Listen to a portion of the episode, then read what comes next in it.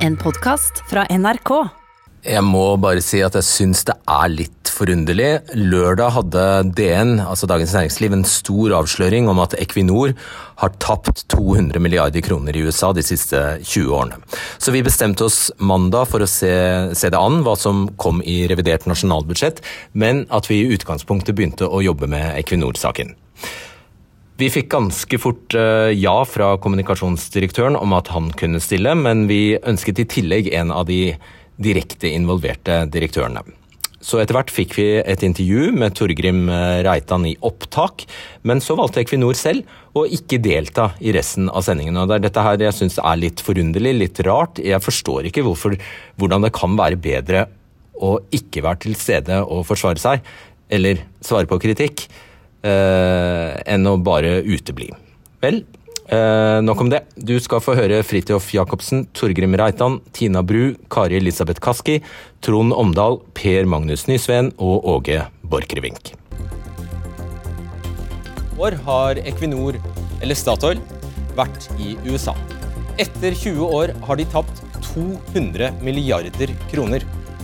Og i dag sier de at dette burde alle ha fått med seg.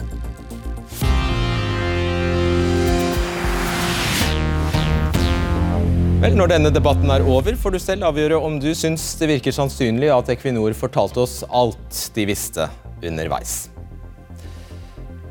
Det vi i hvert fall ikke var klar over før lørdag, da Dagens Næringsliv avslørte det, var at Statoils mellomledere tjente over 5 millioner kroner i året i USA. At sjefene fikk 300% i bonus. At Statoil for å komme inn i det gode selskap deltok på veldedighetsauksjoner og betalte 700 000 kroner for en kalkun i Texas.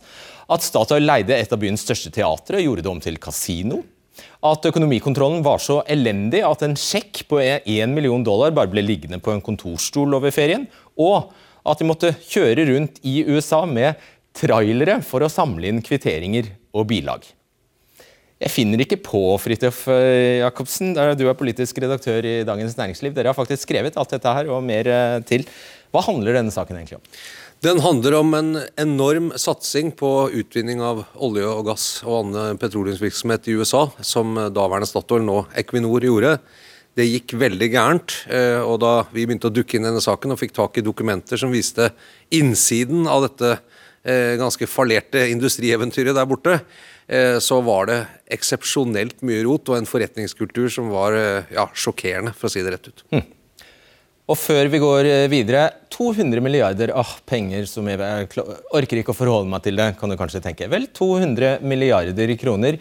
Ja, Det er sånn om lag på størrelse med de krisepakkene som nå serveres fra regjeringen i forbindelse med korona. Det er like mye som alderspensjonen til alle nordmenn i løpet av et år. Det er nesten 40 000 kroner per person som bor her. For litt siden spurte jeg han som tidligere har vært finansdirektør og sjef for USA-virksomheten i Equinor, og nåværende konserndirektør for utvikling og produksjon internasjonalt, Torgrim Reitan, om Statoil eller Equinor noensinne har tjent penger i USA. Ja da, det har vi. Ehm, vi har hatt eh, et godt bidrag fra driftsresultatet fra driften. Men så er det sånn at vi har gjort investeringer eh, når prisen var veldig høy. Og de tålte ikke eh, oljeprisfallet, så vi har gjort veldig store nedskrivninger i etterkant ut av det. Og det er klart, det preger resultatene fra USA vesentlig. Dere har eh, investert om lag 250 milliarder kroner i eh, USA, går det forlydender om, og tapt om lag 200 milliarder. Eh, hvordan, hvordan skjedde det? Altså Først av alt, 200 milliarder kroner det er et voldsomt stort tall. Voldsomt stort tall. Og vi fortjener å få oppmerksomhet på dette, og vi fortjener kritikk. Og det er ganske det er en god del ting som vi gjerne skulle ha gjort annerledes. De 200 milliardene de forklares i hovedsak ut fra to ting. Det ene er oppkjøp og investeringer i perioden 2008 til 2013, hvor oljeprisen var over 100. Og vi trodde at oljeprisen skulle fortsette å være over 100. Det tålte ikke oljeprisfallet. Da tålte ikke disse investeringene, og vi gjorde voldsomt store nedskrivninger ut av de eiendelene. Den andre hovedforklaringen er knytta til eh, en stor letekampanje vi hadde på dypt vann i Mexicogolfen på 2000-tallet uten å gjøre funn. Så vi, på samme måte som andre selskaper, trodde stort på dypt vann på Mexicogolfen. Og vi sammen med andre selskaper trodde at 100 dollar skulle vare inn i fremtiden. Det gjorde det ikke. Nettopp. Så Hva er da summen av penger inn og penger ut i Nord-Amerika siden år 2000 og fram til nå? Altså Nå har vi et fremfortbart underskudd på, på 20 milliarder dollar, eller omregnet til 200 milliarder uh, kroner. Uh, så det representerer på en, en grei måte den økonomiske situasjonen sånn som den er per i dag. Og så er Det sånn at det er ikke hele bildet. Vi kommer til å få bruk for dette fremforbare underskuddet. Og eiendelene vi har i, USA, de er de mest verdifulle vi har i den internasjonale porteføljen, og blant de mest verdifulle vi har i, i hele selskapet. Og enormt store forbedringer har vært gjort, og det har nå medført at disse eiendelene kommer til å betale godt tilbake over de nærmeste tiårene. Vi sitter jo på mer enn 1 milliard fat med olje- og gassressurser som, som, som, skal skape store, verdier over flere tiår fram i tid. Så, så, siste ord er ikke sagt rundt USA, men det er klart det er en krevende situasjon når du sitter på et fremførbart underskudd som er så stort som det er. Du, På side 300 i årsrapporten på engelsk står det at dere har samlet et skattemessig tilbakeholdt underskudd på vel 20 milliarder dollar, som du sier. Altså et tap på 200 milliarder etter 20 år i USA. Hvem mener du har visst dette? Altså, hvem har klart å finne fram denne fotnoten? Det har vært, Gjennom alle disse årene har det vært eh, en full åpenhet rundt uh, rundt de nedskrivningene som har vært gjort. Eh, og det har vært åpenhet rundt, eh, rundt eh, satsingen i USA. Og så har vi gradvis blitt mer og mer detaljert i måten vi har rapportert det på. Og nå rapporterer vi veldig detaljert på landnivå, alle våre land, årlig basis på hvordan den økonomiske situasjonen er. Og, og, og så er det sånn at vi, vi, vi hører jo bekymringen, og vi forstår på en måte kritikken, så vi vil jo gjøre vurderinger om hvordan vi, vi på en måte kan synliggjøre dette på, på en bedre måte fremover. Ville det i denne situasjonen vært naturlig å informere største eier staten om dette? At dere gikk på en smell på 20, 20 eh, milliarder dollar? Vi har eh, tett og god dialog med, med, med Olje- og energidepartementet. Altså Som eier, som investor, så har vi regelmessige møter med de, og da går vi gjennom den internasjonale virksomheten ganske detaljert. Og så har vi hatt et spesielt fokus på den amerikanske virksomheten knytta til de store nedskrivningene vi har hatt, og utfordringene vi har hatt, men også på all den forbedringsarbeidet som har gått inn eh, knytta til disse eiendelene. Jeg beklager. Har dere eksplisitt hatt møter med storaksjonær staten og fortalt dem at dere har gått på et tap på 200 milliarder kroner? Altså, vi har en løpende rapportering på, på hvordan situasjonen er i, i, den internasjonale virksomheten, og også situasjonen i USA.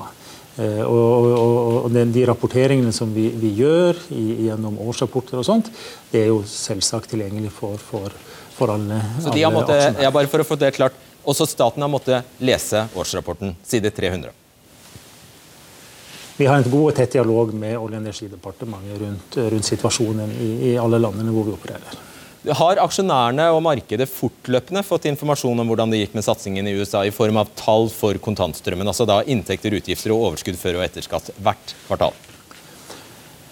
I, ehm, altså fra 2016 så valgte vi på alle kapitalmarkedsdager å adressere USA, situasjonen i USA spesifikt. For det var åpenbart for alle at vi hadde tatt veldig store nedskrivninger. Eh, og at vi hadde regnskapsmessig tap knytta til, til, perioden. Og vi hadde, hadde et, et, et, et, konsept som vi kalte 90-50, som viste liksom hva slags oljepris du ville trenge for å ha positivt resultat. Og den lå jo over markedsprisen i, i, i disse periodene. Så vi har vært, vært eh, transparente og, og, gitt mye ja, informasjon Du svarer ikke på spørsmålet mitt. til realiteten i USA. Du svarer ikke på spørsmålet mitt.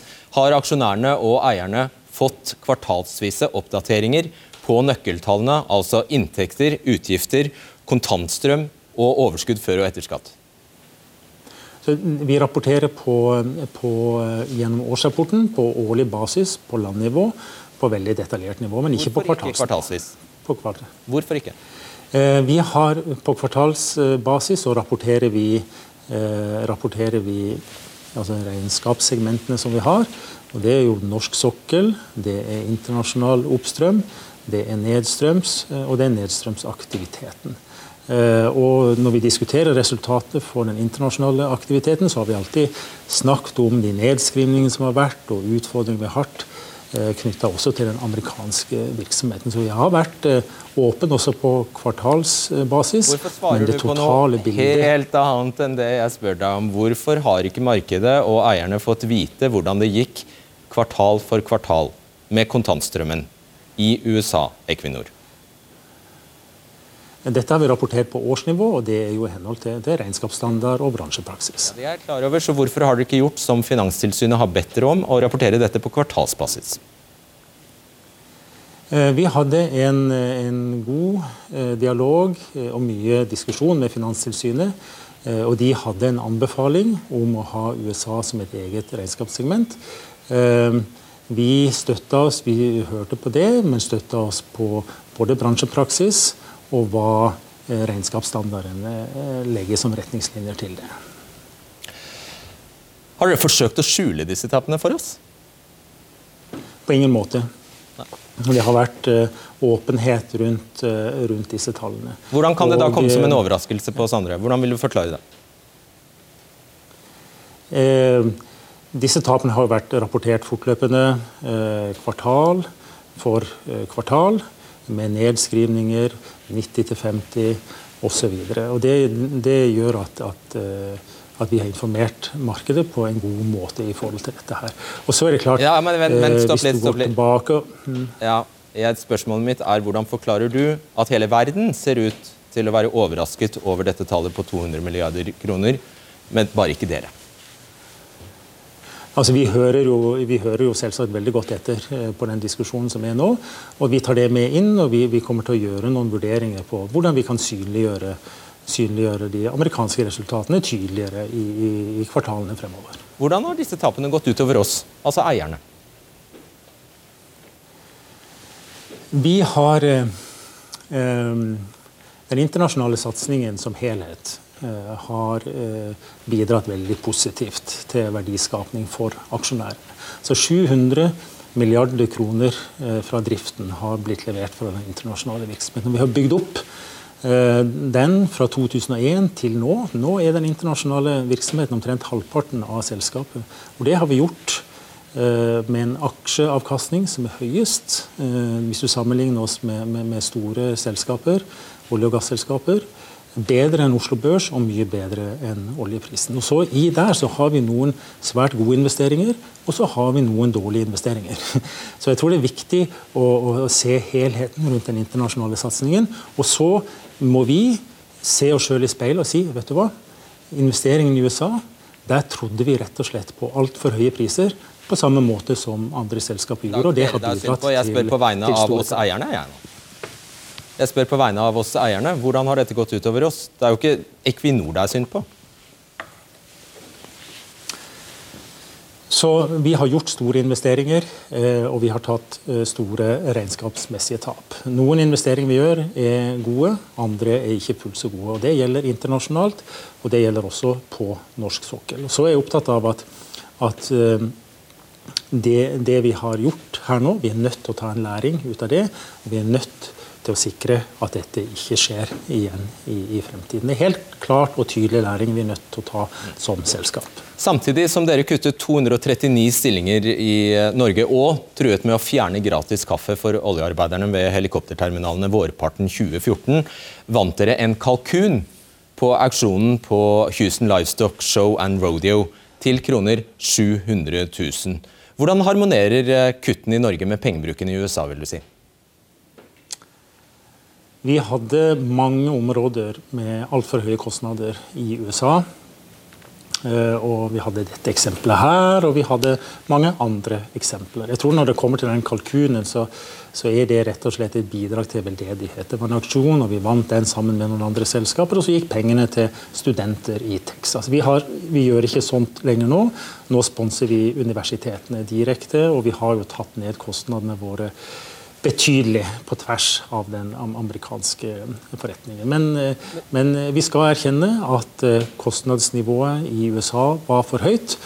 Eh, og, og dette var særlig i den perioden hvor vi hadde en oljepris på over 100 dollar fatet. Ja, Fridtjof Jacobsen, dere har prestert å lage en ikke-sak basert på helt åpne og tilgjengelige tall? Ja, Vi har i hvert fall vist at uh, man kan kjøpe kalkuner både for 700 000 og for 200 milliarder da, uh, i Dagens Næringsliv. Uh, nei, altså det, det, som er grunnlaget for denne saken, og det er litt viktig å få med seg, det er det såkalte interne revisjonsrapporter. Altså Equinor, Statoil i USA hadde en veldig aktiv intern revisjon. Mennesker som går etter og ser hvor er det går gærent, hvor mangler regnskaper, hvor er det uforklarlige ting, hvor er det dårlig forretningspraksis. De leverte en serie rapporter opp til konsernledelsen, til styret, til revisjonskomité, altså de som skal passe på. Eh, såkalte røde rapporter. og Det er rapporter som går helt opp til toppnivået i selskapet. Eh, fordi de mente at forretningsførselen i USA var så kaotisk og rotete. Og, og noen ganger rett og slett de sa at her er det umulig å vite egentlig hvor dårlig det står til. Eh, og Det er grunnlaget for denne saken. Det er ikke vi som har funnet på alt dette som vi har skrevet om eh, i Dagens Næringsliv om dette, har tidligere vært meddelt selskapets ledelse, stort sett gjennom interne revisjonsrapporter. Og Da snakker vi helt siden 2013 i hvert fall? Ja, Og vi snakker helt til topps. Setre og Lund tidligere. Ja, og også eh, herr Reitan i konsernledelsen, og også styret eh, og revisjonskomiteen. Eh, hvor det gikk, altså Alarmen gikk internt og sa at eh, her har vi ikke kontroll. Dette er jo ikke bare en og det er derav, altså, når Siden du nevner uh, internrapportene, det ble jo, uh, de fikk jo et stadig strev med å hente inn kvitteringer, som jeg nevnte tidligere. Og det var faktisk fysisk uh, trailerlass. fordi Hvorfor trengte de det? Altså, de, de, kjøpte et amerikansk selskap som het Brigham, og det var et veldig stort oppkjøp på jeg tror det var 4,5 milliard kroner eller sånn i det oppkjøpet. Eh, til sammen så gjorde de at eh, Equinor Statoil sin USA-satsing, hvis du hadde isolert den som et eget selskap, litt jf. det du spurte om rapportering, så hadde det vært det tredje største selskapet på Oslo Børs i størrelse og omsetning. Altså, Det har bare vært eh, norske Statoil, Equinor og Telenor som hadde vært større. Eh, og når disse kulturene, disse norske oppkjøpene og det amerikanske skulle fusjoneres, så var det veldig mye som ikke fungerte. Datasystemene snakket ikke sammen, det var en helt ny måte å drive forretninger på. Og inn kom de med en forventning om høy oljepris, eh, og man ser det for meg liksom med store cowboyhatter, og pengene satt løst. Og de var liksom de største kaksene i, Houston, det skal jo litt til eh, og Austin nede i Texas, og pengene rant ut på kalkuner og kasinoer og, og, og fester og, og, hva det nå var. Og Det er jo det oppsiktsvekkende i saken. At et oljeselskap ryker på dårlige investeringer, tar en sjanse og taper penger når oljeprisen går ned, det skjer over hele verden. Men det har skjedd altså et atmosfære av så mye rot, og så kan man si unorsk forretningsførsel som man ikke forbinder på en måte med det nøysomme Statoil som ble lagd fra soveposen til Arve Johnsen på et billig kontor i Stavanger eh, på begynnelsen av 70-tallet. Nå skal vi straks få inn politikerne her. Du mener denne saken faktisk kan få ringvirkninger og få noe å si for hvordan dette selskapet styres? Staten eier 67% av Equinor. Eh, prinsippet har jo vært med eierskapspolitikken, som spesielt Jens Stoltenberg eh, innførte, at man skulle holde en armlengdes avstand selskapene skulle få drive fritt på forretningsmessige vilkår. Man skulle ikke blande seg. Eh, her vet jeg ikke helt om man har skjønt hvor dårlig det gikk. Eh, men når det går så dårlig, så kan det hende at friheten blir litt strammet inn. Eh, for frihet det får man jo litt under ansvar. Takk. Da ønsker jeg at Tina Bru, Kari Elisabeth Kaski, Trond Omdal, Per Magnus Nysveen og Åge Borchgrevink tar plass. Equinor ønsket ikke å delta i denne runden. Det gjorde heller ikke Helge Lund. Begge er forespurt, men jeg tipper de kanskje sitter hjemme i stua si og følger med. Hvem vet? Tina Bru, du har bare sittet som noen statsråd i noen uker. Det skal du ha, men jeg antar at etter at denne saken sprakk, og du kunne lese den på eh, lørdag, at du har forhørt deg med dine forgjengere om de slo opp på side 300 i årsrapportene for å lese fotnoter. Ja, nå har det faktisk allerede gått tre måneder siden jeg ble statsråd, så det er mer enn bare noen uker. Men eh, nei, jeg har ikke forhørt meg med de tidligere statsrådene. Men som olje- og energiminister nå, så har det jo vært helt naturlig for meg å forhøre meg i departementet på hva slags eierdialog det har vært tidligere, hva slags eh, temaer man har tatt opp på de møtene mellom statsrådene som har sittet før meg, og departementet, og eh, styreleder i Equinor. Også rundt eh, disse nedskrivningene i USA og den utenlandssatsingen som har vært. Hva svarte de da? Det har vært tema eh, på møter helt tilbake til 2016. Man har jo vært klar over at det har vært store nedskrivninger i USA, at det har vært store beløp, at det ikke har vært gode investeringer som ikke har gitt god Men, avkastning for staten. Så har dere sittet der og visst at de tapte 200 milliarder kroner? 200 milliarder er jo det tallet som står i årsrapporten for 2019. Dette ja. er jo over tid. Alle nedskrivningene har jo ikke skjedd på én gang. Dette er jo et resultat av at oljeprisen Men dere kan vel regne i departementet? Altså, det er jo, jo lett, da. Jo, selvfølgelig. Tallene har vært kjent i årsrapporten, så man har jo diskutert at nedskrivningene har vært store. Eh, at disse, disse, satsingene ikke har vært gode. Så det har vært tema. Men dette har jo også vært kjent i offentligheten i flere år. Det har vært store debatter tidligere også om den utenlandssatsingen og USA-satsingen som åpenbart ikke har vært god. Ble du overrasket da du så tallet 200? Milliarder. Ble du overrasket da du så tallet 200 milliarder? Nei, Departementet har jo kjent til at tallet sto i årsrapporten, selvfølgelig. Men det er store tall. Det er ingen tvil om at dette ikke har vært en eh, god investering. Hmm. Kari Elisabeth eh, Kaski, ble du overrasket?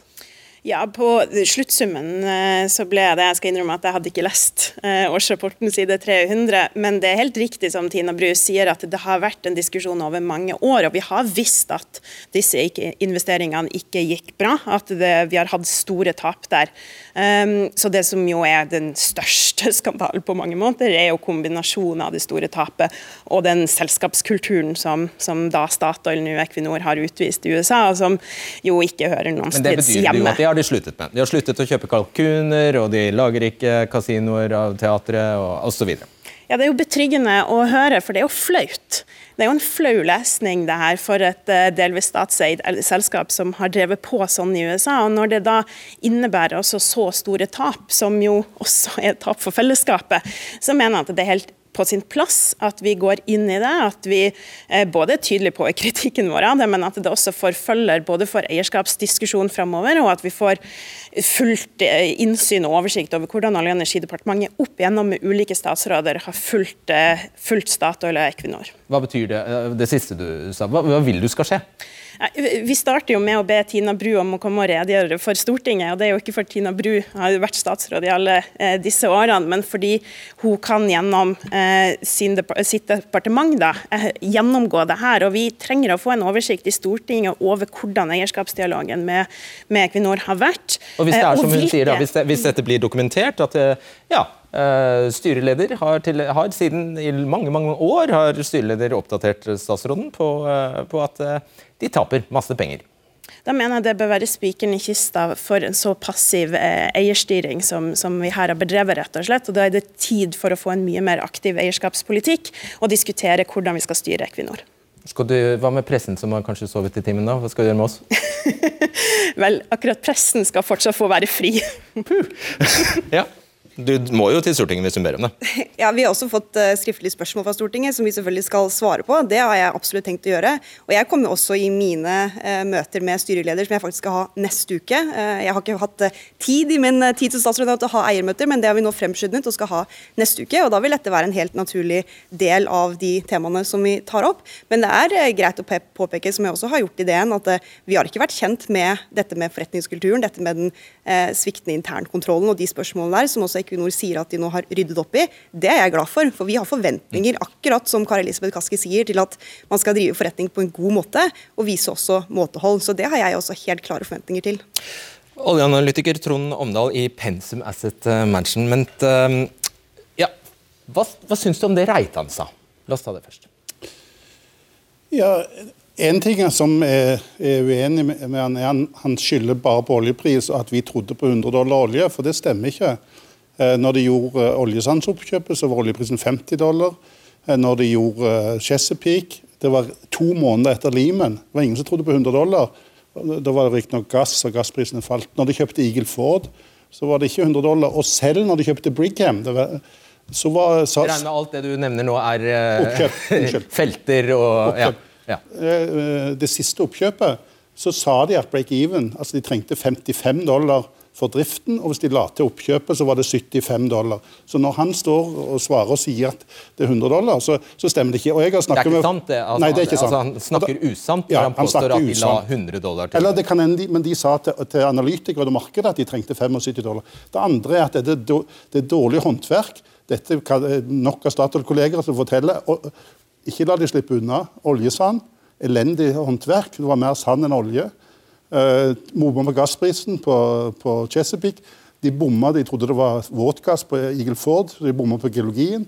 Og så bomma de på alt i Brigham. Eh, så, så, så det er dårlig håndverk. Og så er det òg dette med transparens og åpenhet. Jeg har snakka med eh, altså Jon Olaisen, som du hadde, en av de best rangerte, har jo sagt at han kjente ikke det tallet. Jeg har snakka med de to, to av de andre topprankede analytikerne. og jeg, Dette tallet med 200 milliarder det kommer jo i årsregnskapet, men det kommer ikke på kvartalsresultatene. Og det er ingen analytikere eller investorer som bryr seg om å grave inn i, i side eh, 300. Det som skjer i kvartalsresultatene, er så viktig.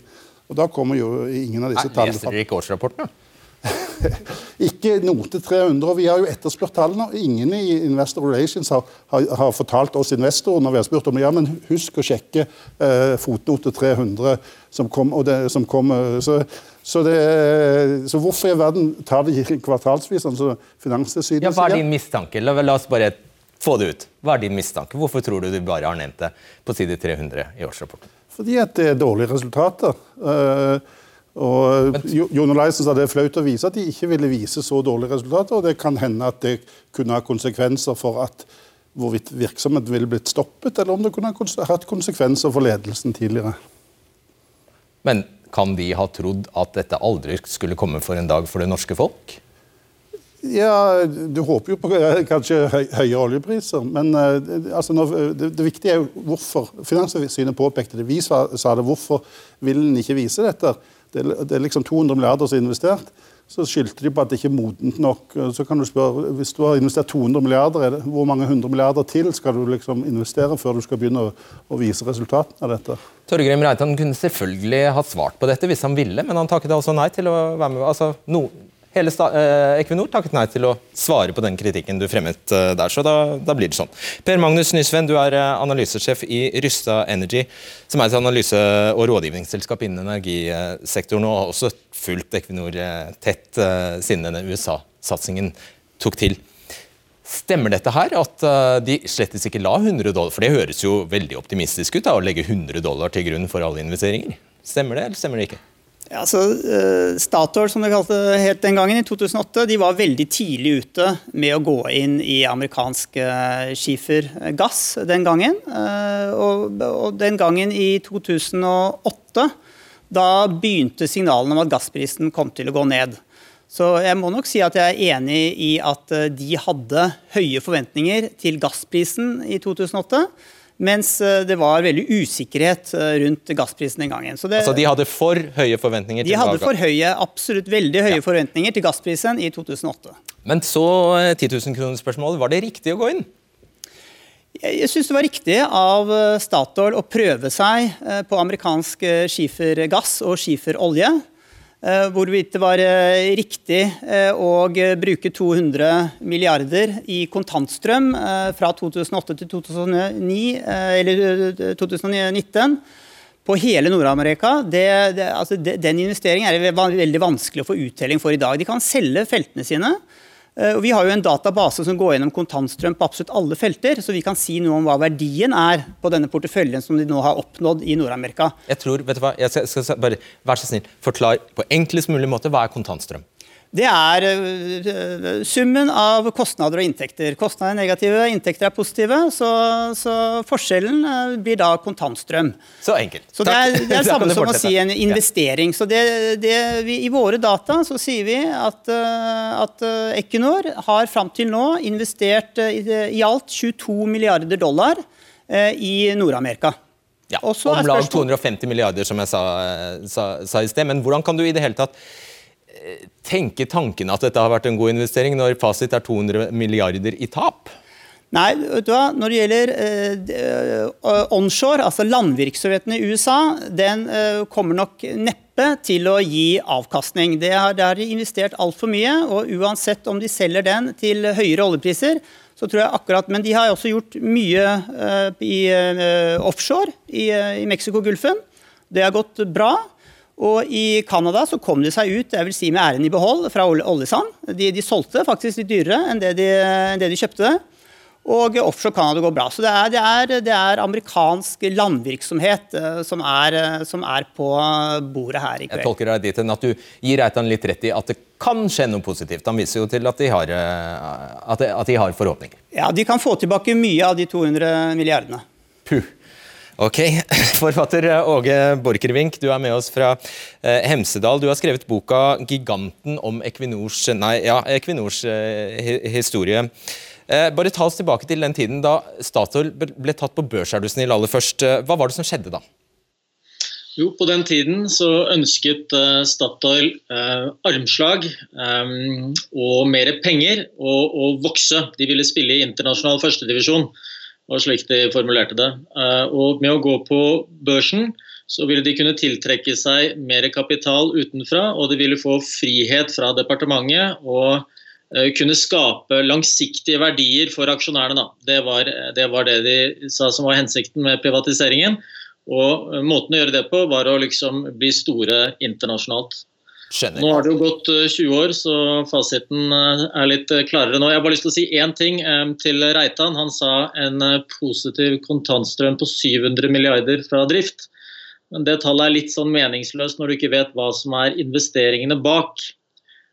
Så da det regnskapet ble gjort opp i fjor høst, siterte det i en del artikler og slikt, og det kommer fra, fra Equinor selv, da var resultatet etter, fra 2001 til 2019 internasjonalt totalt, ikke bare USA også, eh, en negativ kontantstrøm på 250 milliarder. Så det er jo ikke så hyggelig som de 700 milliardene han snakker om. Nei, det er det slett ikke. Så bare, eh, ok, Siden du nevner det. Her snakker vi altså om USA. Det er én isolert ting. Og så, det du beskriver nå, er alt det Equinor driver med utenlands. Der sier du faktisk til og med også at de går med heidundrende tap. Ja, Det er jo riktig som han, som han sier, ehm, eh, og som ble påpekt av analytikerne her også. Noen steder går det bra. Det er jo ikke bare tragedie. Eh, men en annen ting som er litt interessant, er at veldig mye av det som går bra for eh, Equinor i utlandet, og hele den internasjonaliseringen er en lang historie som begynte i 1990, så vi feirer sånn 30-årsjubileum for Equinor ute i år. Um, veldig Mye av de gode investeringene ble gjort tidlig i perioden på 90-tallet. Den gang Statoil, som det da het, var i allianse med BP og kom i veldig gode posisjoner bl.a. i Aserbajdsjan, Angola og en del andre steder. Vi Pens oss inn på dette her med armlengdes avstand, er du snill. fordi Det er jo, det, er jo det samme prinsippet vi kjenner fra helsesektoren, f.eks. Med helseforetakene. Politikerne vil nødig, hvis de ikke må, ta stilling til uh, hvor det skal ligge sykehus, hvor det skal ligge sykestuer osv. På samme måte har vi dette her uh, prinsippet innen, uh, innen forretningsverden. Og du sier at det er forskjell på armlengdes avstand og bevisstløshet. Hva mener du med det? Nei, jeg mener jo det at det er klart det er lett å være etterpåklok, men det er da bedre å være etterpåklok enn å ikke være klok i det hele tatt. Og når du sitter her med, med fasiten, og tallene er slik de er, og eh, sånne eksempler som, som DNs eh, USA-historie kommer fram, da skjønner man jo at det er, det er noe mer Eier må jo gjøre noe mer enn bare forvente bedring. Og, liksom, og så kommer jo Statoil eh, Equinor selvsagt til å love bot og bedring.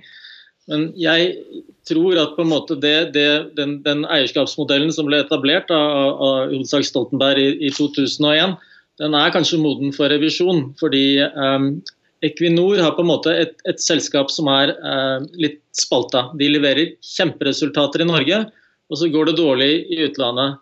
Og Resultatet alt i alt blir sånn OK, og, så, eh, og, og, da er det ingen som gjør noe med det. Men jeg syns tiden er inne til å ta en, en grundig eh, kikk altså, på den internasjonale virksomheten. Hva gikk galt? Hvorfor gikk det galt? Og er vi sikre på at den virksomheten er i eiers, altså vår da egentlig, interesse? Det syns jeg er noe som ikke bare uh, må, må, snakkes om uh, uh, av DN, men burde, det burde settes ned et, et, et, et, utvalg, et statlig utvalg fra regjeringens side. For alt vi vet, så har vi satt i gang i kveld. Tina Bru, hvor, hvor, detaljert kan du styre Equinor? Altså, det er jo helt riktig som det blir sagt at uh, Eierskapspolitikken legger opp til at man skal ha en armlengdes avstand, men det betyr ikke at man skal være en passiv eier og ikke ha forventninger og ikke ha et mål med hvorfor man eier et selskap. Og Vi har jo et klart mål med eierskapet. Det, er jo ingen som forstår, altså Armlengdes avstand, er, hva betyr det? Det betyr jo, forenkel, altså for å forenkle det litt, da, at uh, det er selskapet, økonomene, ingeniørene osv. som er best skikket til å ta avgjørelser på hva man skal investere i enn politikere på Stortinget eller jeg, for å si det sånn. Eh, og Erfaring viser jo at når politikerne skal bestemme og bygge ting, så går det ikke alltid så bra. F.eks. Stortingsgarasjen er et eksempel på det.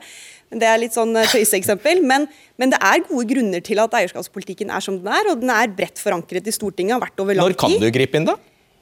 Nei, altså Vi har jo, vi, vi har jo et mål med eierskapet. Ja, men vi ser jo på, Hva er poenget med å eie Equinor? Det er positiv avkastning over tid i et langsiktig perspektiv. Bare i fjor så fikk vi 90 milliarder inn fra Equinor i skatt og utbytte f.eks. Det er jo en vellykket investering for staten å eie Equinor. Men du glemte å nevne at de mistet nettopp 200 ja, milliarder. Men som sagt, det betyr ikke at vi ikke skal ha disse diskusjonene. At ikke vi skal ha åpenhet rundt dette.